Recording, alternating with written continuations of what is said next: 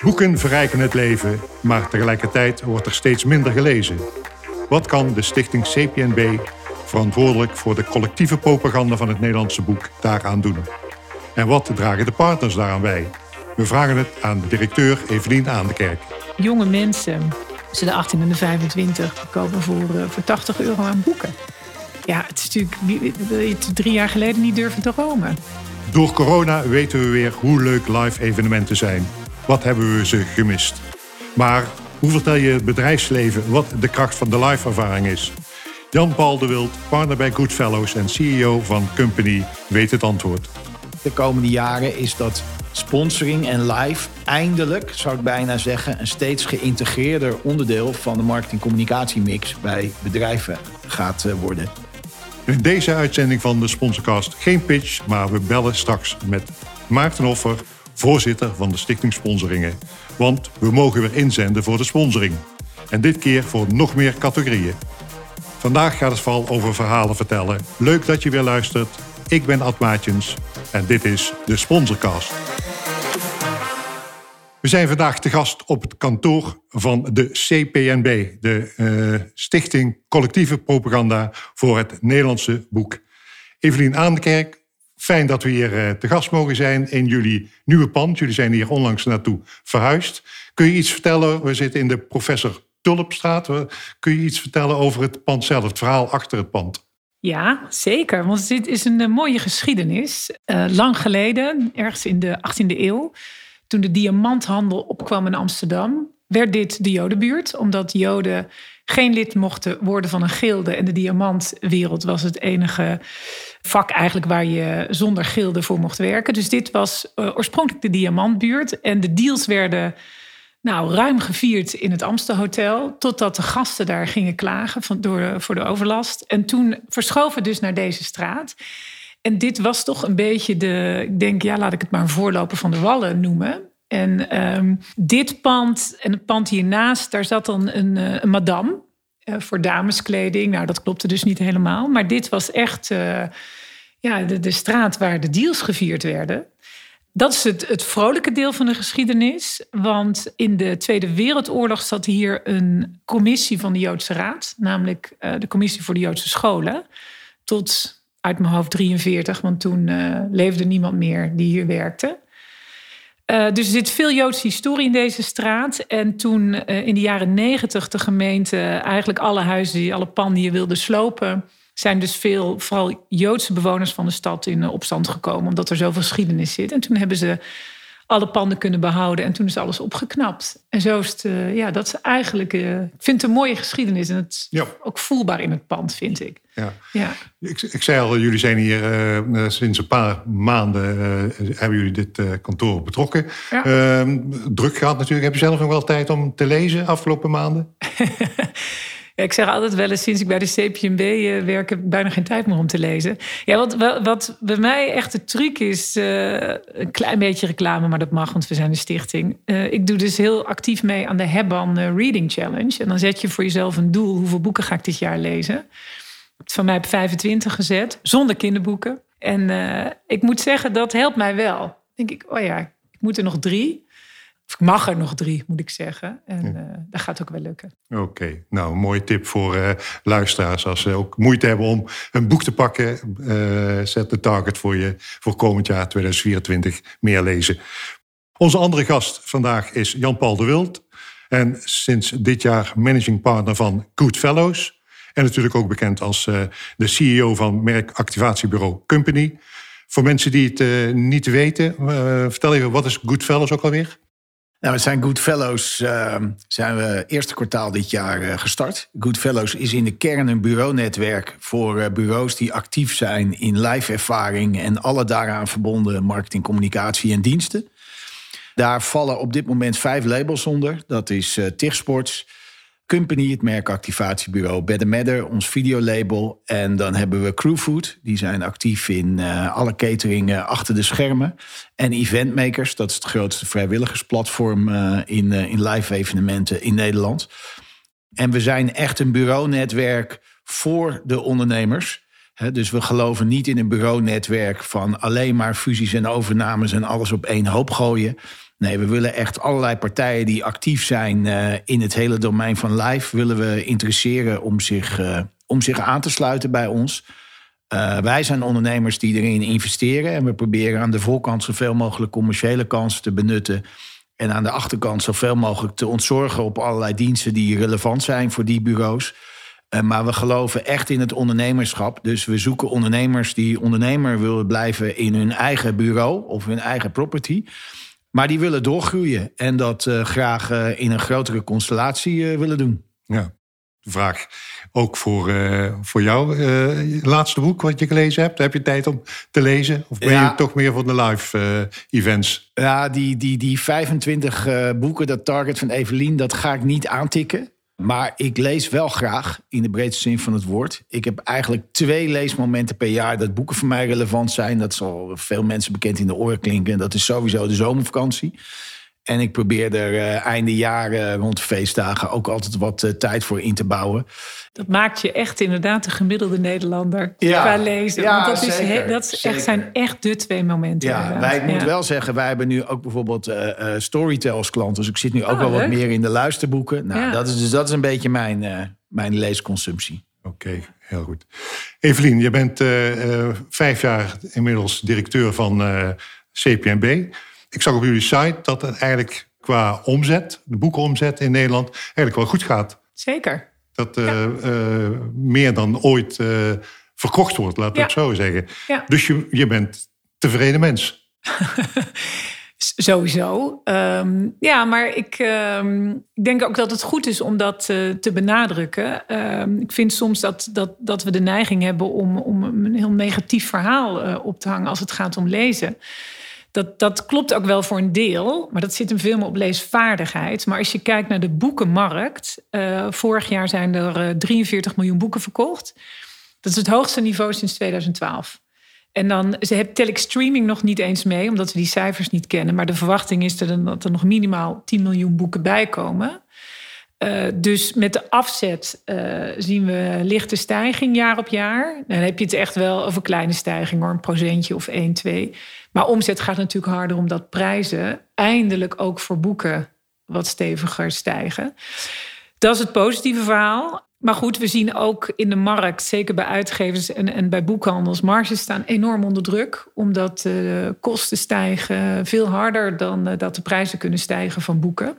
Dus dat is, uh, dat spannend. Maar ook de opkomst van Engelstalig. Ruim 20% van de boeken die verkocht werden in 2022 eh, waren in een andere taal. Nee, dat is voornamelijk Engels. Dat is aan de ene kant prima, hè, mensen lezen. Maar daar heeft de Nederlandse uitgever, de hele keten van makers tot de uitgever, helemaal niks aan. Want die boeken worden gewoon geïmporteerd. Dus dat is niet zo goed nieuws voor de markt. Ja, en ik vind streaming ook al uh, interessant. Er stond een uh, stuk in het FD dit weekend over luisterboeken en storytel. Leuk dat de klant van jou is. Voorlopig werkt het nog marktverruimend, zien we in Nederland. Maar de vraag is of dat zo blijft. Ja. Even, want je, je moet uh, heel veel belangen behartigen van verschillende partijen. Dat ja. af en toe lijkt me dat moeilijk manoeuvreren. Van de ene kant ja. moet je, ben je tevreden, aan de andere kant uh, moet je ook de, de belangen van, uh, van de, de boekenbranche vertegenwoordigen. Hoe, hoe zit dat? Hoe, hoe, hoe moeilijk is dat manoeuvreren? Ja, kijk, we werken voor alle boekhandels, alle bibliotheken en alle uitgevers. Dat, dat is op zich al af en toe uh, ligt het al anders. Kijk, voor een boekhandel is Engelstalig uh, natuurlijk uh, ook handel. Voor een uitgever weer niet. Eh, online verkopen, dan heb ik het vooral bijvoorbeeld via Bol, is voor de uitgever geen probleem. Dat vindt de boekhandel weer niet zo, zo prettig. Maar binnen die groepen de boekhandel, dan heb je het over de Primera op de hoek. En je hebt het over de goed gesorteerde zelfstandige boekhandel en alles wat ertussen zit. Dus ja, dan kun je eigenlijk, vind ik, maar één ding doen. Dat is heel erg trouw blijven aan je eigen strategie. Want zoeken naar iets waar iedereen happy mee is, dat kan niet. En als je dat toch doet, wordt het allemaal zouteloos. En uh, uh, daar hebben we helemaal niks aan. Dus wij proberen heel erg uh, dicht op onze rol in het geheel te blijven. En dat is toch met alle campagnes en prijzen die wij voeren, eh, zorgen dat die consument vaker naar die winkel gaat of naar de bibliotheek. En ben je er dan voor de lezer en die meer, nog meer moet gaan lezen, meer boeken moet kopen? Of ben je er eigenlijk voor de niet-lezer en die aanzetten om boeken Nou, te gaan kopen? De niet-lezer, mensen die echt nooit lezen, die gaan wij niet bereiken met onze campagnes. Eh, bedoel, onze bu- budgetten zijn ook eh, te klein daarvoor. Maar zelfs als we die wel hadden, dan, dan lijkt mij dat niet een, eh, een haalbare kaart. En overigens, mensen, de, percentage mensen in Nederland dat nooit leest, zit altijd om en nabij 18 procent, zo ongeveer. Maar je hebt een hele grote groep mensen die af en toe lezen. Bijvoorbeeld, eh, zoals jij, Jan-Paul. of die af en toe naar de boekhandel gaan. En dat is eigenlijk de grootste groep. Dus daar richten we ons heel erg op. Van hoe krijgen we die mensen met onze campagnes eh, ja, naar die winkel? En dat, en dat is dan soms moet je dan dingen doen waar eh, de liefhebber van zegt: ja, maar dit vind ik wel eh, een beetje te commercieel. Ja, bijvoorbeeld toen wij voor de kinderboekenweek de, de schrijvers van de Boomhut vroegen, twee Australiërs. Ja, nou, heb ik echt heel veel boze brieven gekregen. Maar het was wel de meest succesvolle kinderboekenweek van de afgelopen jaren. En dat is, vind ik soms fascinerend. Dat dan, eh, kijk, dat schrijvers dat niet leuk vinden, snap ik ergens nog wel. Hè? Maar ook boekhandels waren daar negatief over. En dat, dat vind ik soms lastig te begrijpen, omdat ik denk, hè, maar dat geschenk heeft als doel mensen naar de winkel te krijgen. Als het dat doet, ja, waarom zou je daar negatief over zijn? Je- Een paar weken geleden mocht je de, de NS Publieksprijs eh, uitreiken. Ja, Ehm, dus ik denk naast de Boekenweek is dat jullie grootste, misschien belangrijkste campagne. Ehm, ja, ja, je, ja je kinderboekenweek. Kinderboekenweek is, is, eh, ja. is denk ik onze grootste campagne. Maar goed, de NS heeft altijd een hele belangrijke rol bij jullie gespeeld. Zeker, En, eh, ja. wat, is, wat is hun rol in, de, in die publieksprijs? Hoe belangrijk is die rol? Heel belangrijk. Ze zijn eh, al, al, al 20 jaar hoofdsponsor, ruim 20 jaar van die prijs. Eh, en ehm, hebben eigenlijk een paar jaar geleden hebben we met hun afgesproken dat, dat dit ook voor hun een hele belangrijke campagne is. Dus er wordt heel veel eh, activatiebudget op vrijgemaakt door NS. Ze dragen die prijs en de aanloop, zeg maar, de verkiezing, heel actief uit in al hun, hun media. Eh, de winnaar krijgt ook eh, nu voor het eerst eh, echt een grote campagne op de media van NS. En je ziet gewoon dat deze prijs, ehm, denk ik, van alle boekenprijzen het meeste effect heeft. En het grappige is dat, dat vanuit het vak wordt, komt vaak het verwijt van ja, die boeken heeft iedereen al. Maar dat is natuurlijk onzin. Een boek wat heel goed verkoopt in Nederland, nou laten we zeggen 75.000 exemplaren. Ja, dat is natuurlijk 0,000, ik heb het niet uitgerekend, procent van, eh, van de Nederlanders heeft dat boek dan. Dus je ziet nu ook weer met de Camino, eh, ja, die kwam op één weer binnen afgelopen keer in de bestseller 60. Dus dat, die prijs heeft echt een enorm effect Ja, op de markt. En dat komt onder andere, of voor een heel groot deel, door NS. ja. Een oude wijsheid in sponsoring, eh, die ik zelf altijd eh, wel heb aangeleerd, is dat je, je bent pas een goede sponsor op het moment dat als je stopt, mensen je gaan missen. De NS had dat natuurlijk met eh, het Boekenweekgeschenk, Ja. waarmee je gratis eh, een dag kon reizen. Ja. Ik geloof dat ik nog nooit zoveel reacties heb gekregen van, eh, van mensen van waarom gaat de NS daar niet mee door en waarom, waarom stoppen ze ermee? Dat, eh, dat was een hele succesvolle campagne eh, altijd. Heel succesvol, vooral om juist die af en toe koper, zoals wij eh, die doelgroep noemen hier, eh, om die eh, in die boekenweek naar de winkel te krijgen. Dus eh, ja, het is heel, eh, we zijn nog steeds heel. Maar de, je zei in de introductie: de, er is geen pitch eh, deze aflevering, maar dan wil ik hem toch doen. Wie stapt eh, in het gat? Want wij, eh, wij hebben nog geen eh, waardige vervanger eh, kunnen vinden. Nee, dat is heel jammer. Ja. Ehm, en, en tegelijk had NS daar goede redenen voor. Maar dat wordt zeker gemist. Ja, Jan-Paul, je hebt eh, eh, NS, een van jullie klanten. Jullie hebben ook in het verleden evenementen rondom boeken, eh, boeken kinderboekenweek met name volgens mij Zeker, gedaan. zeker. NS is al ruim twaalf jaar een van onze grotere opdrachtgevers. Met, met heel veel plezier. Heel specifiek zit er altijd ontzettend veel dynamiek rondom treinreizen, stations. En het merk NS spreekt ook alle Nederlanders aan. De fit met CPNB is denk ik altijd echt, echt een ontzettend goede fit geweest. Vanuit het perspectief van reistijd is eigen tijd. Twee dingen om in te haken. Ik denk dat, dat het lengte van een sponsorship... ik denk dat vanaf een jaar of zes tot acht... dat is eigenlijk alles wat daarna komt... eigenlijk is het moeilijkst meetbaar in sponsoring. Eigenlijk nul tot acht jaar kom je vaak tot hele rationele KPI's... wat het voor je merk moet doen. En ga je over die acht jaar heen... dan gaat het vooral over mentaal marktleiderschap... lange termijn associatie, uh, gewoontes die zijn ontstaan. En dat is eigenlijk, eigenlijk heel moeilijk te rationaliseren. dus er is eigenlijk in heel veel gevallen ook geen goed moment om te stoppen met een succesvol uh, uh, sponsorship. Dat is één. Aan de andere kant snap je ook wel dat sponsors gewoon na, um, ja, na een lange periode de bakens weer willen verzetten en, en wat andere klemtonen willen leggen. dat is ook begrijpelijk. Ja. ja, en ik vind met, die, eh, met het vrij reizen op een gegeven moment uh, als een, als een sponsoractivatie kan ook te succesvol worden. Hè? En dat was, uh, was misschien wel aan de hand met de vrij reizendag. Dat het bijna niet meer te organiseren was door NS. En toen kwam corona. Ja, en, en dat was natuurlijk de reden om, om er dan mee te stoppen. Ja. Ja, nou, wat, wat ik zelf in het lezen nog wel wat, wat, wat onbenut potentieel vind, is eigenlijk is lezen natuurlijk ook gewoon een live ervaring. Hè, is het die je doet. Zeker. En, en ehm, ja, wat ik zelf nog wel wat onderbelicht vind, maar NS1, uh, is wat dat gewoon mentaal met je doet. Hè, er, er, zijn genoeg voorbeelden. Hè. Er staan kasten vol met kookboeken bij mensen thuis die graag in het weekend koken.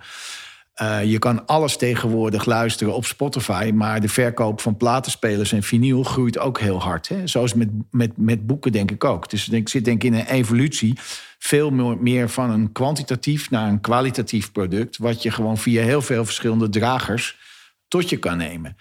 En ik denk dat dat moment wat je, of het nou je weekendkrant is of een boek, uh, wat het voor je kan doen, voor jezelf, voor even in zo'n heel digitaal tijdperk tot rust komen en jezelf informeren en ontspannen. Ik denk dat dat voor doelgroepen die wat verder van lezen afstaan, echt een hele belangrijke invalshoek is om ook te kunnen blijven groeien. Ja. Even over die. Ja, ja Evelien? Ja. Nou ja, dat, ik heb je helemaal gelijk in. Wij zijn er nu ook naar aan het kijken dat eigenlijk de grootste winst zit bij uh, die groep mensen die wel wil lezen, maar denkt dat ze er geen tijd voor hebben. Dat is de grootste groep.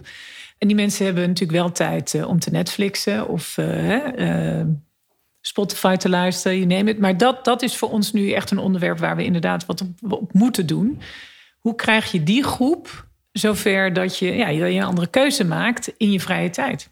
Even over live. Uh, boeken lezen is een live ervaring, zeg je zelf. Maar je merkt dat er is onlangs een rapport verschenen, een marketingrapport, waarin staat dat live evenementen en activaties voor 63% van de respondenten, en dat zijn dan marketeers, een belangrijk onderdeel vormen van de marketingmix. Uh, zie jij een, een herwaardering van live en hoe spelen jullie daarop in? Nou, ik, ik zou het meer een herbevestiging willen noemen. ik zeg zelf altijd, kijk, COVID, er zijn een aantal redenen die daaraan te grondslag liggen. Ten eerste, COVID speelt gewoon een rol. Ik zeg altijd, COVID is op korte termijn een vloek geweest voor live en op lange termijn een zegen.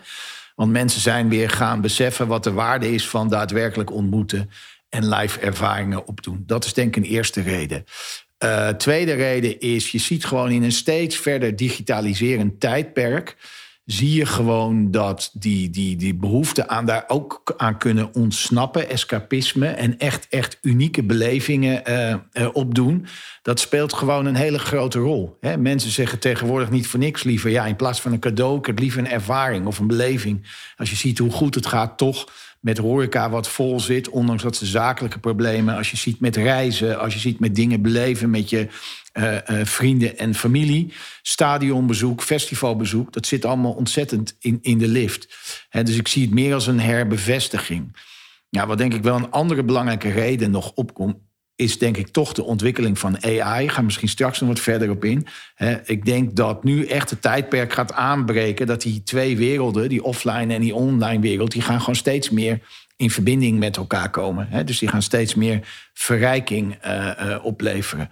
Nou, ik denk dat dat een soort, soort cocktail van argumenten is... waardoor je ziet dat er een enorme herwaardering voor live is... Vraag 2 is natuurlijk, maar daar, kom je misschien zo nog op, is wat merken daar dan mee kunnen en moeten. En dat is nog wel wat ingewikkelder materie, want daar zie je dat nog wel een flinke afstand te overbruggen is. Uit dat onderzoek komt ook dat ruim 65% van alle grote marketeers in Nederland die bevestigt dat live een steeds grotere rol zal gaan spelen in hun marketing-communicatiemix. Maar er is maar een beperkt aantal marketeers dat daar meer budget voor wil inruimen. Ik geloof uit mijn hoofd rond de krappe 40 procent.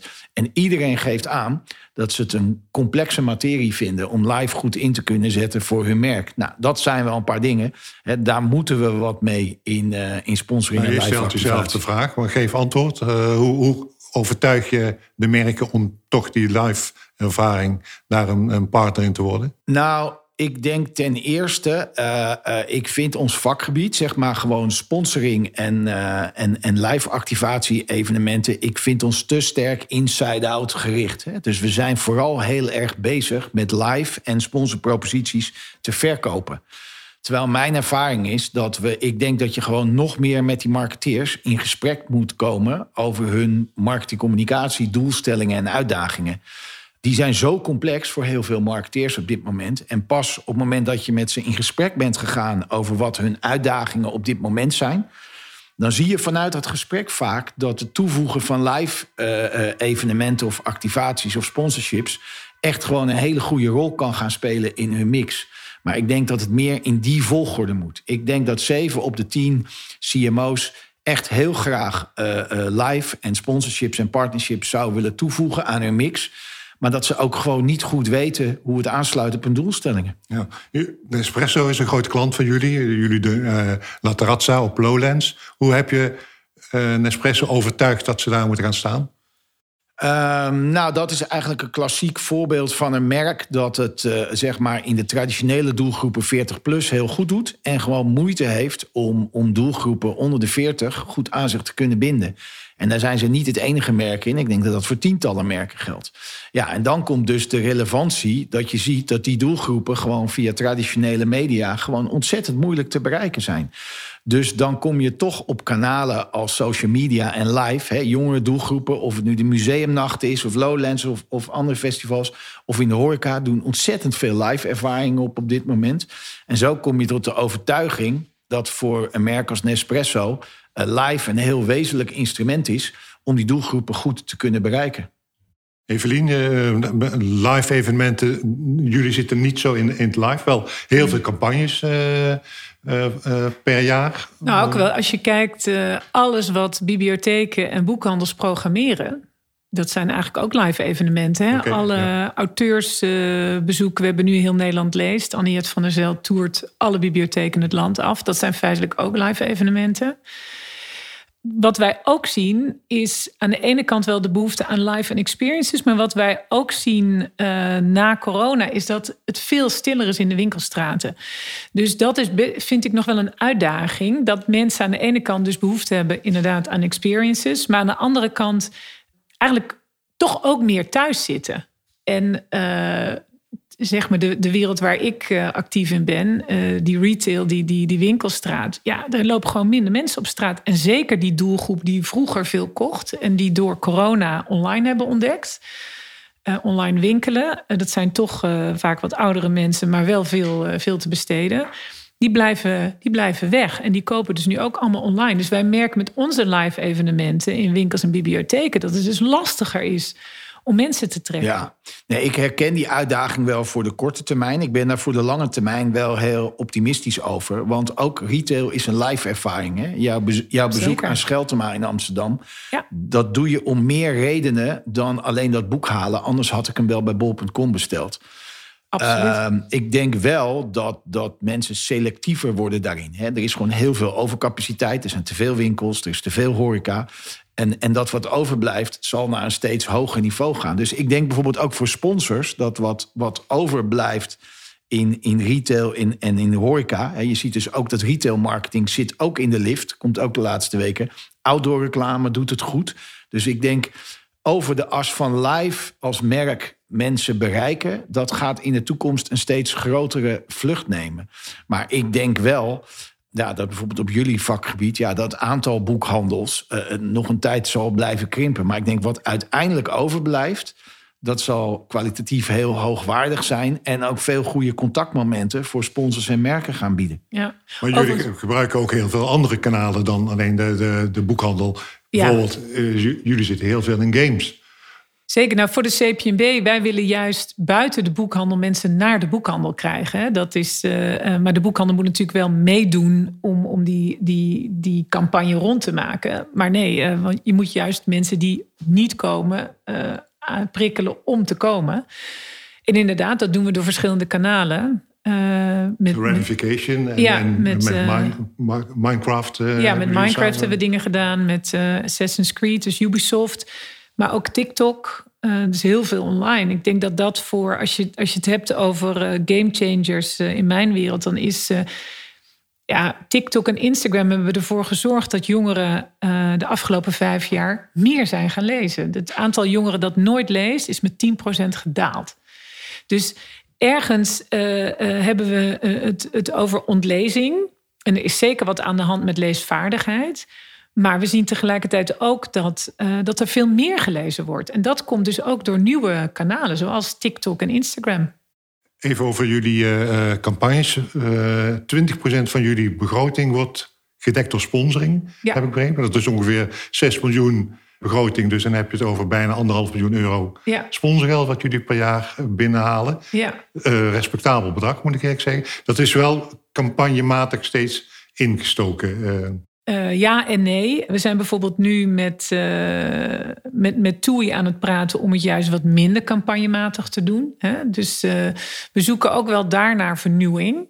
En het blijft gewoon, het blijft gewoon hard werken om, om sponsors te vinden, om sponsors Absoluut, aan je te ja. blijven binden. Um, en ik denk dat um, ik, ik, zou eerlijk gezegd veel meer willen kijken op, op wat zijn nou momenten dat je leest of dat je dat boek gebruikt en, en hoe kunnen we daar samenwerken met partners. We hebben elke uitzending van de Sponsorcast natuurlijk ook het sponsorbord. Uh, met negen termen, actuele termen, waar uh, onze gasten op uh, mogen reageren. En termen uit mogen zoeken en daar iets meer over vertellen. Ik zal ze even noemen. als ik het goed zeg, AY. Ja? AI, ja. AI, ja. Dus politiek, EK voetbal, Effies, Team NL greenwashing, TikTok, PostNL en luisterboek. En over luisterboek hebben we het al even, heel even gehad. Maar uh, Evelien, eh, als jij een, uh, een, een, term wilt uitpikken en daar iets meer over wil vertellen. Ja, ik, ik noemde het net al, maar ik, ja, ik ga toch het meest aan op TikTok. Oké. Okay, ja. ja omdat eigenlijk wat ik net ook al zei, het is, uh, uh, ja, ik heb er een beetje een haat-liefde verhouding mee. Want ik vind eigenlijk, een, uh, mijn, ik wil liever niet dat mijn kinderen er te veel op zitten. Maar het is, ja, BookTok is wel echt een game changer voor het boekenvak. En het is gewoon mooi om te zien hoe, hoe boekfluencers echt wel die markt hebben beïnvloed. En dat er dus door verschillende boekhandels um, echt TikTok-avonden georganiseerd worden ehm, of ze geeft een andere naam hoor. En dat je echt jongeren ziet die. Uh, ja, de kaarten zijn een nota. Dat zijn dan evenementen waar je notabene voor moet betalen. Dat is een nota uitverkocht. En dan gaan uh, jonge mensen, tussen de 18 en de 25, die kopen voor, uh, voor 80 euro aan boeken. Ja, het is natuurlijk het drie jaar geleden niet durven dromen. Dus het is echt een heel nieuwe, nieuwe dimensie wat, uh, wat dat toegevoegd heeft, in ieder geval aan onze markt. Jan-Paul, als jij een van de, van de negen termen eruit wil uh, halen. Ja, ik kan het mezelf makkelijk maken door voor uh, PostNL te kiezen. Een, uh, een sponsorship waar wij afgelopen week de lancering voor begeleid hebben in marketingcommunicatie met heel veel plezier. Maar dat ja, doe ik niet. worden co-sponsor van Team ja. DSM. Ja, klopt, klopt, klopt. We hebben met Company de lancering begeleid. Maar dat doe ik niet voor deze podcast. Ik kies, ik kies toch voor AI omdat ik geloof dat, uh, dat de komende jaren voor het domein live, dat wat ik net al zei, dat gaat echt de offline en de online wereld met elkaar verbinden. En uh, nou, ze zeggen altijd de korte termijn is uh, overschat en de lange termijn uh, onderschat. Ik denk dat we nu wel op een punt staan, en dat lezen en zie je natuurlijk overal, dat dit gewoon ontzettend veel positieve invloed op het domein live en ook sponsorships gaat opleveren. Uh, nou klein voorbeeld. Ik denk als je afgelopen weekend, en dat is wel een heel groot evenement, dat besef ik ook. Maar als je een Grand Prix Formule 1 in Las Vegas ziet afgelopen weekend. En als je ziet hoe audiovisueel een dergelijk evenement al is geworden. Nou, dan heb je het echt over top of the bill. Maar ik denk ook voor kleinere evenementen, het gaat ons zoveel mogelijkheden bieden met programma's als ChatGPT en Midjourney en dergelijke. Om ook voor sponsors en evenementen met een wat kleinere beurs, het is tenslotte een duur instrument, sponsoring en live, om enorme verrijking toe te voegen. En mensen op locatie en thuis op dezelfde manier uh, uh, heel gaaf evenementen te laten beleven. En sponsoring tot leven te gaan brengen. Dan denk ik dat dat uh, ja, ons heel veel gaat opleveren. En dat gaat denk ik ook denk ik, een belangrijk einddoel realiseren de komende jaren. Is dat sponsoring en live eindelijk, zou ik bijna zeggen, een steeds geïntegreerder onderdeel van de marketing-communicatiemix bij bedrijven gaat uh, worden. Dus ik denk dat AI echt de ontwikkeling gaat worden die uh, ja, die, die brug gaat slaan. En uh, Leuk. Wat, wat, wat, gaat dat voor het boekenvak betekenen? Nou, ik zag een sponsoractivatie waarvan ik dacht, nou, wat zonde van wat Hema heeft gedaan met luister, kleine verhalen gegenereerd door AI. En daarvan denk ik, hè, ja, want in, in, in mijn wereld, zeker bij auteurs, is dit natuurlijk wel een zorg. Hè? Uh, gaan we straks nog vertalers nodig hebben, maar ook voor auteurs zelf. Hè? Van gaat AI niet teksten genereren? En dan denk ik zeker vanuit Hema, denk ik, hè, dat had je gewoon ook met een aantal leuke Nederlandse schrijvers kunnen doen. Hè? om ook te koesteren uh, wat makers brengen. Dus dat is wel een angst in mijn wereld. Maar ik zie ook wel de kansen hoor. Dus uh, dat, uh, het is er allebei. Ik, ik denk dat het ons in staat gaat stellen om, om een evenement ook op andere plekken in een hele andere dynamiek te beleven. En wat ik bijvoorbeeld heel leuk vind de afgelopen tijd, is dat je ziet, en dat is een heel simpel en vrij plat voorbeeld. Hè?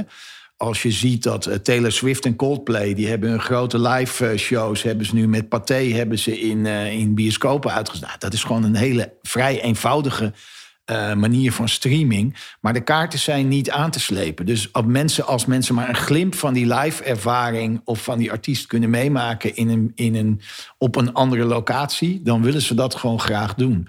En ik denk dat gaat gewoon door AI allemaal steeds laagdrempeliger worden. Ik denk je echt binnen een paar jaar oprecht het gevoel hebt dat je op ontzettend veel plekken ter wereld echt het gevoel hebt dat je midden in die Grand Prix zit of midden in dat live concert. En dat heel anders gaat beleven. En dat biedt voor sponsoring zoveel meer kansen om nog veel grotere doelgroepen te bereiken met, uh, met je sponsorship. Ja. Dus uh, ik ja, denk ik... dat ons heel veel gaat opleveren. Ik zie ook wel kansen om cultuur toegankelijk te maken voor veel mensen door deze, deze toepassing. Dat vind ik het positieve daar. Absoluut, absoluut. Als jij een, een boeken-event op één locatie hebt, dan ga jij straks in heel veel verschillende boekhandels lezers in staat stellen om dat op een bepaalde manier uh, uh, te beleven. Ja. Ik kies toch ook nog zelf even uh, een woord. Ik wil het even over de effies hebben, want die zijn afgelopen week ook weer uitgereikt. En wat dan altijd opvalt al jarenlang is dat daar nooit of zelden een sponsorcase tussen zit. Hebben jullie wel, wel eens ingezonden voor de Effies? Zeker. Ja. We hebben een Leffie gewonnen. Jullie hebben een Leffie gewonnen? ja. Ja, dat was toen volgens mij het eerste jaar dat die categorie bestond. Okay. Waren we, met, met Reedification. Ja, ja. Maar we gaan er weer voor hoor. Ja, oké. Ja, ik ben, ja. ik ben jurylid. Ja. De categorie uh, succesvolle introductie. Uh, ik vind dat de prijs een ontzettend positieve ontwikkeling doormaakt. Hè. Dus ik vind het echt wel de marketingcommunicatieprijs in Nederland. Uh, waar de lat echt hoog ligt. En het heel erg gaat om de combinatie van creativiteit en effectiviteit. Ja, en ik zou hem willen omkeren. Ik vind dat sponsors gewoon moeten worden uitgedaagd om, uh, om ook voor een Effie in te zenden. Ik denk dat er heel veel succesvolle cases, cases zijn. Als je kijkt naar de winnaars van dit jaar, zitten er ook echt wat nou, wat kleinere, wat meer niet-corporate partijen tussen... die met hele, hele onderscheidende vormen van marketingcommunicatie daar prijs hebben gewonnen. Nou, ik denk als ik langs de afgelopen zes jaar langs de winnaars van de sponsoringen ga... denk ik dat er zo vijf, zes cases tussen zitten... die een hele goede kans hadden gemaakt uh, op een Effie. Maar moet je hem wel insturen. Nou, dat geeft dan een mooi bruggetje naar uh, onze telefonische gast van uh, deze sponsorcast, namelijk uh, Maarten Hoffer voorzitter van de uh, Stichting Sponsoringen. Want we kunnen weer inzenden voor een sponsoring. De inschrijving voor de Sponsoringen editie 2023 is van start gegaan. Heb jij in het kalenderjaar 2023 een mooie sponsorcase gerealiseerd? Dan kun je je nu gaan inschrijven. En we hebben vernieuwd. Zo hebben sommige categorieën een nieuwe naam en invulling gekregen en zijn er nieuwe categorieën toegevoegd. Je kunt nu bijvoorbeeld een van de jonge sponsortalenten binnen jouw organisatie inschrijven voor de categorie Talent van het Jaar. En waar zijn we tegenwoordig zonder data en insights? Ook die categorie is terug te vinden. Voor elke categorie is er een vakjury met deskundigen uit de diverse onderdelen van het werkveld die beslist over de ingezonden cases. En voor een aantal categorieën volgt dan ook nog een presentatie voor de hoofdjury. Een video met tips van de voorzitter van de hoofdjury, Saskia Vernooy, is op de website te vinden. De prijsstelling voor het inzenden van de case is ook aangepast. Bij de prijs voor inschrijving zijn nu twee tickets voor de awardshow inbegrepen. Alle informatie over de sponsoringen, de categorieën, de juryleden en de planning vind je op de website www.sponsoringen.nl. Dus zet die juries aan het werk en stuur je case of talent tijdig in. Hartelijk dank uh, Maarten en hopelijk uh, weer veel inzendingen. Gaan jullie nog inzenden, uh, ook voor de sponsoringen? Jan-Paul, Evelien? Ja, we zijn er aan het kijken. Jullie hebben vaak gewonnen met de CPMB. Ja, maar een tijdje geleden. Ja, NS was. Vaak, ja, we hadden ook weer met Reedification hebben we, laatst, hebben we ook gewonnen. Ja, nee, we, we, zijn aan het kijken. Ja. Wat zou een succesvolle case van zeker? Nou, dat is wel een case. Ja, we hebben nu een hele leuke uh, samenwerking met Stichting Speelgoed. Maar ik denk dat het nog te vroeg is. We hebben nu voor het eerst gedaan. Dus daar zijn we nu naar aan het kijken. Echt dat kinderen een activatie op scholen, een, een, een bordspel ontwikkelen op basis van hun lievelingsboek. En dat, dat is een groot evenement live evenement. Uh, goed. Een, uh, een speelgoedgala. En dan pitchen die kinderen die spellen. En dan zit er een jury. Nou, hartstikke leuk. Echt. Uh, het heeft heel veel tractie gekregen. Bijzonder te zien. Jan-Paul? ja, we, we, sturen ieder jaar altijd wel een stuk of twee, soms drie cases sturen we in. En ik denk dat het ook dit jaar wel het geval weer zal zijn. Ik vind het vooral leuk dat er de, de scope steeds breder gaat. Nieuwe categorieën bijkomen. De jury-samenstelling wordt ook steeds diverser. Ook steeds meer mensen uit, uh, uit de breedte van het marketing-communicatielandschap. Dus uh, nee, ik zie wel uh, positieve ontwikkeling bij de prijs. Daarbij wel de voetnoot, maar dat is meer vanuit een bureau en merken dat er zijn gewoon ontzettend veel prijzen in Nederland. En, en nou, je ziet wel dat merken er steeds gereserveerder over worden om toch in te zenden. En dan met name de nieuwe toetreders, dus e-commerce partijen, partijen die pas, pas 0 tot 5 jaar in Nederland actief zijn. Ja, die zijn uh, ver steeds meer inspanning om ze te bewegen, om in te sturen voor welke prijs dan ook. Goed, dat was hem dan. Jan-Paul, hartelijk bedankt voor je uh, bijdrage deze sponsorcast. Evelien, jij ook. En natuurlijk dat we hier te gast mochten zijn op de, uh, met de CPMB. Bedankt voor het luisteren. Volgende maand staat er weer een nieuwe sponsorcast voor je klaar. En dan zijn we te gast bij Martijn Delahaye in het fraaie AFAS Theater in Leusden. Heb je een vraag voor hem of wil je meedoen aan de sponsorpitch? Laat het weten op redactie.sponsorcast.nl. De Sponsorcast is een initiatief van podcastbureau As We Speak in samenwerking met Mojo Concerts, Live Nation en de sponsoringen.